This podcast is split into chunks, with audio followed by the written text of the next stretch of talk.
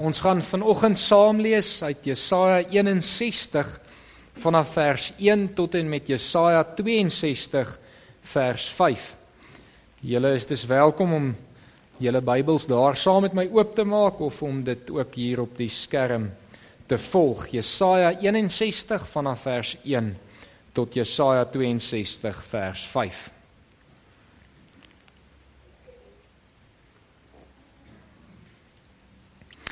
Die gees van die Here my God het oor my gekom. Die Here het my gesalf om 'n blye boodskap te bring aan die mense in nood. Hy het my gestuur om die wat moedeloos is op te beer, om vir die gevangenes vrylating aan te kondig, vryheid vir die wat opgesluit is, om aan te kondig dat die tyd gekom het waarop die Here genade betoon, die dag waarop ons God sy vyande straf maar almal wat treur vertroos. Die dag waarop hy vir die in Sion wat treur eer gee in plaas van smart, vreugde in plaas van droefheid, blydskap in plaas van hartseer. Hulle sal genoem word bome van redding. Die Here het hulle geplant om sy roem te vermeerder. Hulle sal die eeue oue pynhope opbou, plekke herbou wat lankal verlate lê. Hulle sal verwoeste stede weer opbou, plekke wat geslagte lank verlate lê. Uitlanders sal in julle diens wees en julle kleinvee oppas. Vreemdes sal in julle lande en julle wingerde werk. Julle sal genoem word priesters van die Here, dienaars van ons God. Julle sal van die rykdom van die nasies geniet, die trotse eienaars word van hulle besittings. In plaas van vernedering sal julle twee keer soveel besittings hê as tevore. In plaas van minagting sal julle lof ontvang oor wat julle besit. Julle sal in julle land twee keer soveel besit as tevore en julle sal altyd vreugde hê. Ek is die Here. Ek het die reg lief. Ek haat roof en misdaad. In my trou sal ek my volk gee wat ek beloof het. Ek sal 'n ewige verbond met hulle sluit. Hulle afstammelinge sal bekend wees onder die nasies, hulle nakommelinge onder die volke. Almal wat na my volk kyk, sal besef dat hulle 'n volk is wat deur die Here geseën is. Ek is baie bly oor die Here. Ek juig oor my God, want hy het my gered, vir my oorwinnaarsklere aangetrek. Ek is soos 'n bruidegom met 'n priesterkroon op, soos 'n bruid met haar juwele aan soos die grond plante laat uitspruit, soos die plante in 'n tuin vrugte gee, so gee die Here my God die oorwinning en laat hy al die nasies luister na die loflied tot sy eer. Terwille van Sion sal ek nie swyg nie. Terwille van Jerusalem sal ek nie stil bly nie totdat daar vir hom redding deurgebreek het soos 'n nuwe dag, soos die lig van 'n brandende fakkel. Die nasies sal sien dat jy gered is Jerusalem. Al die konings sal sien dat jy mag het. Jy sal 'n nuwe naam kry, 'n naam wat die Here self vir jou gekies het. Die Here sal jou soos 'n suurlike kroon in sy hand hou. Jou God sal jou soos 'n koninklike tulband vashou. Jy sal nie meer die verstote vrou genoem word nie en jou land nie meer die een wat verlate lê nie.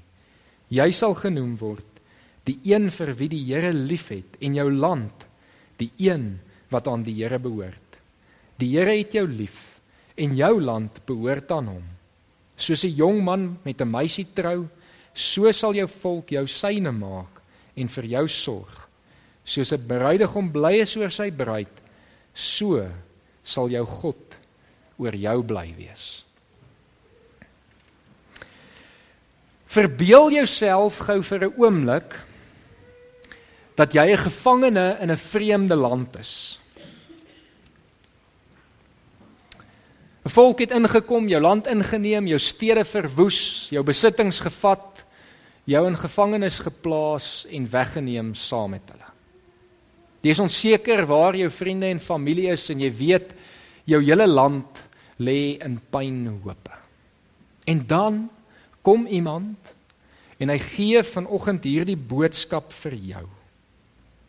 Hy het my gestuur om die wat moedeloos is op te beer om vir die gevangenes vrylating aan te kondig. vryheid vir die wat opgesluit is, om aan te kondig dat die tyd gekom het waarop die Here genade betoon, die dag waarop ons God sy vyande straf, maar almal wat treur vertroos. Hoe sou jy gevoel het? Bly opgewonde, verlig, dankbaar, dalk so klein bietjie skepties, onseker of dit regtig gaan gebeur. En dit is presies hoe diegene sou gevoel het wat die heel eerste keer hierdie boodskap van Jesaja gehoor het. Jesaja is 'n boek wat eintlik strek oor 300 jaar van Israel se geskiedenis. 300 moeilike jare.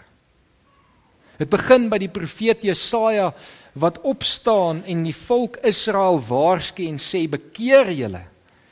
Stop met julle sondes en wees gehoorsaam aan God, anders gaan daar 'n tyd kom wat ander volke jou gaan inneem. Julle ken die geskiedenis, hulle het nie geluister nie en dan weet ons dat die noordryk van Israel eerste tot 'n val kom in 722 voor Christus. Ongelukkig help dit nie die suidryk om tot bekering te kom. Hulle gaan maar ook voort en amper 200 jaar later dan is dit die val van Jerusalem en die baie bekende Babiloniese ballingskap wat volg. En dan in die laaste gedeelte, die laaste paar hoofstukke van Jesaja wat afspeel 'n kort tydjie net voor die ballingskap verby is en die heel laaste gedeelte net na die ballingskap verby is. Met 'n boodskap van hoop 'n boodskap waar die Here sê die tyd het aangebreek vir die ballingskap om verby te wees. Die tyd het aangebreek vir die wat in gevangenes sit om vrygelaat te word en terug te keer na hulle land toe. Om dit te kan gaan herstel, om die pynhope wat daar lê weer te kan gaan opbou. Verbeel jou vir oomblik jy sit vanoggend in jou eie land en 'n volk kom en neem jou eie land oor. Hulle regeer oor jou. Hulle vat jou besittings, jou grond.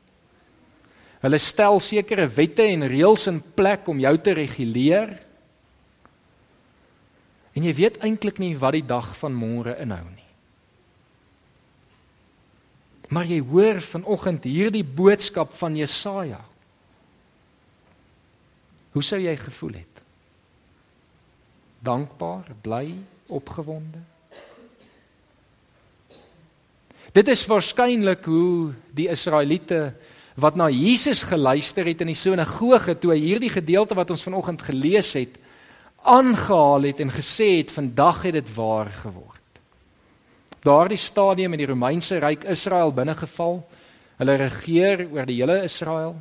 Hulle het 'n klomp mense in plek gestel, wette in plek gestel, belasting in plek gestel om eintlik die Jode totaal en al te beheer en te onderdruk. Maar die Jode weet hierdie boodskap van Jesaja want dit kom nou al vir 'n klomp eeue saam met hulle. Die wete dat God uiteindelik vir hulle verlossing sal gee. Dat hy hulle vry gaan maak van diegene wat hulle onderdruk. Dat hy hulle gaan herstel. Hulle weer 'n eerposisie gaan gee. Dat hy dit vir hulle moontlik gaan maak om alles wat in pynhoop lê te terbou. Hulle hou hieraan vas want hulle weet dat net soos wat die Here telke male tevore hulle vyande gestraf het, sal hy dit weer doen en sal hy weer aan hulle genade betoon. En daarom is hierdie boodskap vir hulle kosbaar. Ek hoef vanoggend nie vir jou te sê verbeel jouself gou, jy sit in 'n land wat dreig om jou grond te vat wat sekere wette en reëls en regulasies in plek begin sit om jou in 'n baie moeilike posisie te plaas. Ek hoef nie te sê jy moet jouself verbeel hoe dit sou voel wanneer infrastruktuur agteruit begin gaan en jy moeg raak vir swak dienslewering. Waar jy begin wonder wat gaan van die rand word, gaan hy staande bly teenoor ander wêreld wisselkoerse. Of jy begin wonder of dit nie dalk maar beter is om jou dinge in orde te begin kry en te emigreer na 'n plek waar daar 'n beter toekoms vir jou kinders wag nie. Ek hoef nie vir jou te vra om jouself te verbeel nie, want dit is die situasie waarbinne ons onsself vandag bevind. En dit wat ek vanoggend tot nou toe beskryf het, glo ek en vermoed ek verwoord 'n klomp emosies wat vanoggend in ons harte leef. As ons rondom ons kyk, die uitsprake hoor wat gemaak word, dan sit dit hierdie hele denkpatroon aan die gang. Maar dan is ek vanoggend hier ook om hierdie boodskap van Jesaja wat waar was vir die Jode in ballingskap, wat waar was vir die Jode onder druk van die Romeinse ryk en vandag waar is vir my en jou. Waar is omdat hierdie boodskap vanoggend vir my en jou geld net soos wat dit vir hulle gegeld het. Ek het op 'n tyd oorweeg om eintlik hier te stop en net weer die gedeelte te lees dat elkeen net regtig mooi hoor wat beloof die Here hier vir ons. Ek ek gaan dit op 'n ander nie doen nie. Ek gaan jou aanmoedig om rustig vanmiddag by die huis hierdie weer te gaan lees. En ek gaan tog 'n paar opmerkings maak oor wat hierdie gedeelte dink ek vir ons beteken vandag en watter troos en hoop dit vir ons bring. Hierdie gedeelte word deur Jesus aangehaal in 'n sinagoge eendag Die boek word vir hom gegee en hy lees hierdie voor. En die Israeliete wat na hom luister raak opgewonde en bly want hulle het hierdie idee en gedagte dat dit vir hulle verlossing gaan inhou. En net so kan ek en jy vandag ook opgewonde raak en bly raak omdat hierdie gedeelte vir ons ook verlossing inhou. En Jesus het dit gedoen en hy het dit gedoen om dit te koppel aan sy koms. Hy het gesê hierdie het waar geword die oomblik toe hy gebore is want toe het God se koninkryk begin. En God se koninkryk, soos wat dit 2000 jaar terug hier was, is dit vandag hier en nou ook hier. Dit is nou waar vir my en jou. Nou weet ek ons kan baie maklik begin sit en dink as ons na die situasie rondom ons kyk, sien ons nie regtig dat hierdie gebeur nie. En wonder ons Hoe gaan dit in die toekoms dalk waar word? Ons is skepties en ek dink is normaal. Maar dit is waar en dit is nou hier.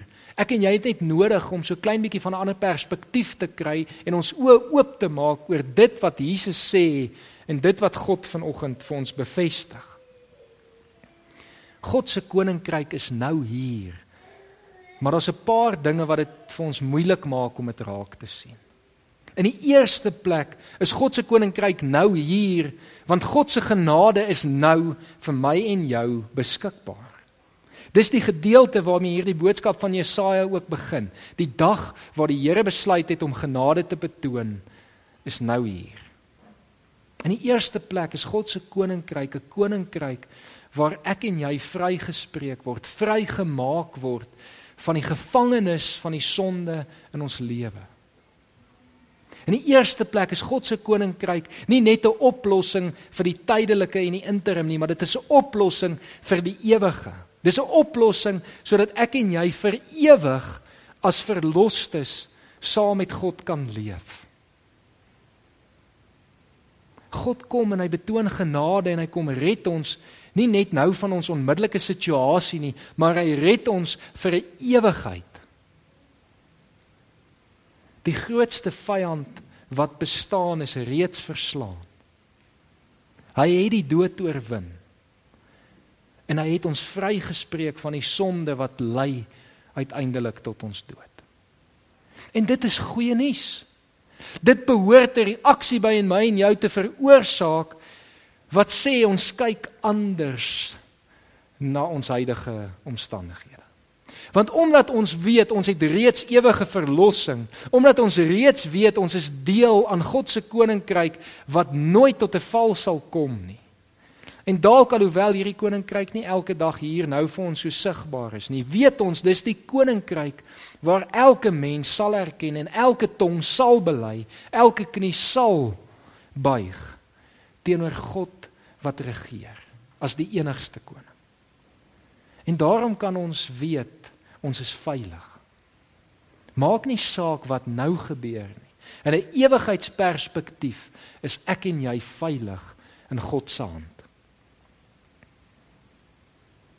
Ons situasie is nog nie so erg soos die ballingskap van die Israeliete nie. Ons situasie is nog nie so erg soos die Romeinse ryk wat ons oorkom neem nie.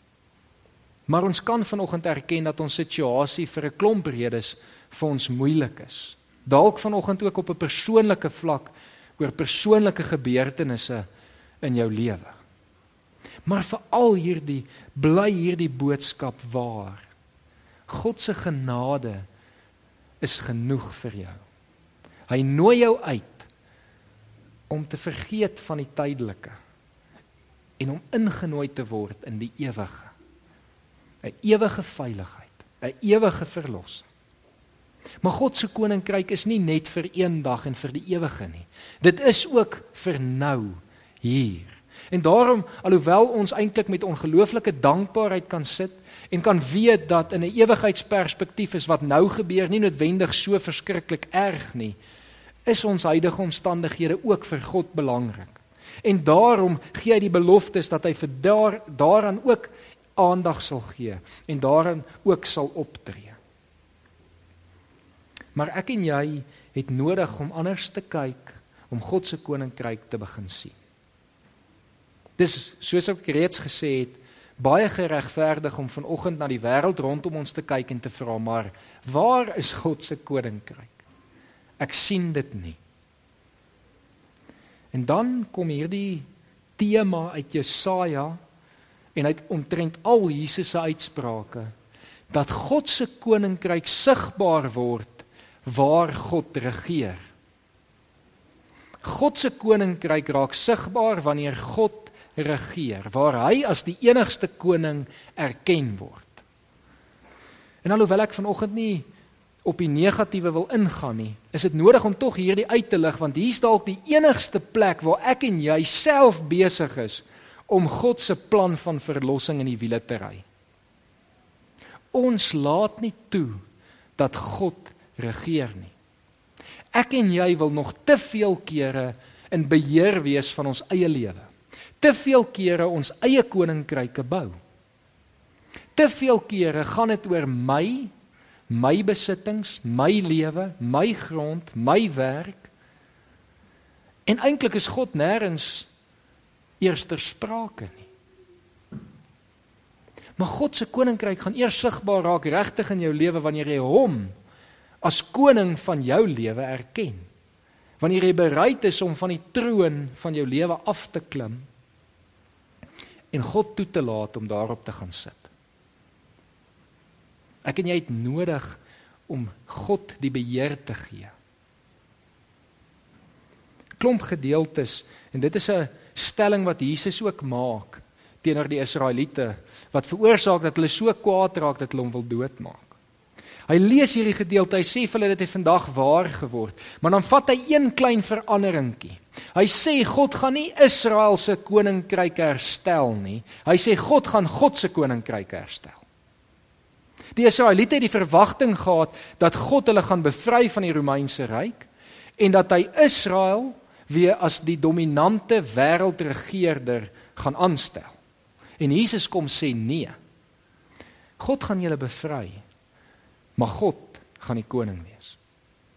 En God se koninkryk wat vir almal elke mens op aarde geld gaan die koninkryk En net soos wat die Israeliete nie hiervan gehou het nie, dink ek ek en jy worstel baie keer hiermee. Baie keer wil ons eintlik hê God moet ons bevry en ons help en ons red ter wille van onsself. En dan gaan dit oor ons en nie oor hom nie. Ons het nodig om ons aandag te bevestig dat dit God is wat in beheer is. Ek wil so een of twee voorbeelde uit Jesaja vir ons uitwys. Die eerste een kry ons in Jesaja 62 vers 5 4 en 5 Wanneer God sê jou land sal bekend staan as die een wat aan die Here behoort As ek en jy toelaat dat God in beheer is van ons lewens verander dit so klein bietjie ons perspektief oor wat nou hier gebeur. As ek en jy toelaat dat God ons regeer en ons erken alles wat ons het is syne, ons grond, die land wat ons het, behoort aan die Here, dan verander ons huidige situasie. Want dan kan wie ook al kom en vat wat hulle wil van ons. Dis nie my en jou grond wat hulle vat nie. Dis nie my en jou besittings wat hulle vat nie. Dis God se wat hulle vat. En ek weet nie van jou nie, maar ek um, het baie meer gemoedsrus dat as iemand God se grond wil kom vat en God se besittings wil kom vat, dat God sal optree en die ongeregtigheid wat daarmee gepaard gaan, sal straf. Ek het baie meer gemoedsrus om dit wat myne is God se te maak met die wete dan dat dit God se verantwoordelikheid is om daarna te kyk. Ek wil nie meer in beheer wees nie. Want ek dink nie ek gaan die fight kan wen nie. Maar ek dink as God in beheer is en ons erken dit is syne en hy moet die beklei die geveg veg. Dan het ek nogal gemoedsrus dat hy sal wen. Dit gee vir my rustigheid, vertroosting, bemoediging en ek hoop dit gaan dit vanoggend ook vir jou gee. Maar jy moet besef, solank jy gaan vashou aan jou eie lewe, jou eie besittings, dan keer jy eintlik God om namens jou op te tree en vir jou in te staan.